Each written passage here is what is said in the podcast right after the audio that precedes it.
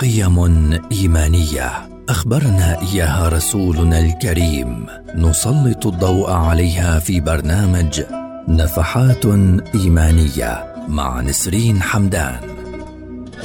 برنامج نفحات إيمانية يأتيكم خلال شهر رمضان المبارك في مثل هذا الموعد عبر أجيال.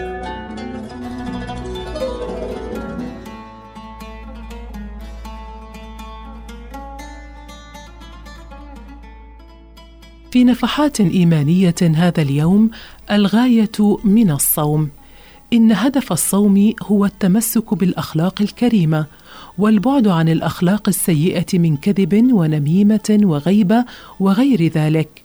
حث الرسول صلى الله عليه وسلم على أن يكون الصائم متسامحا فقال عليه السلام فإن سابه أحد أو قاتله فليقل إني صائم بمعنى أنه إذا استثاره أحد أن يقابل ذلك بالتسامح. هذا هو الهدف من الصيام فالله لا يريد منا الجوع والعطش بل الاستفادة من شهر رمضان بالتوبة والعودة إلى الله تعالى والإقلاع عن المحرمات فإن الله يحب التوابين والمستغفرين خاصة في هذا الشهر الفضيل وتسخير جميع أعضاء الجسم في طاعة الله وإبعادها عن المعاصي وارتكاب الآثام والذنوب.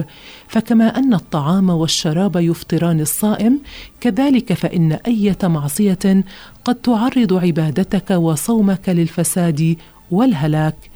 فتوجه عزيزي المستمع نحو العبادة والعزم على مزاولة المستحبات والإكثار من تلاوة القرآن والأدعية والاستغفار وضبط النفس إزاء ما يثير الغضب. فإذا صمت فليصم سمعك وبصرك وجوارحك كافة كذلك. سيداتي وسادتي دمتم بكل خير وإلى اللقاء.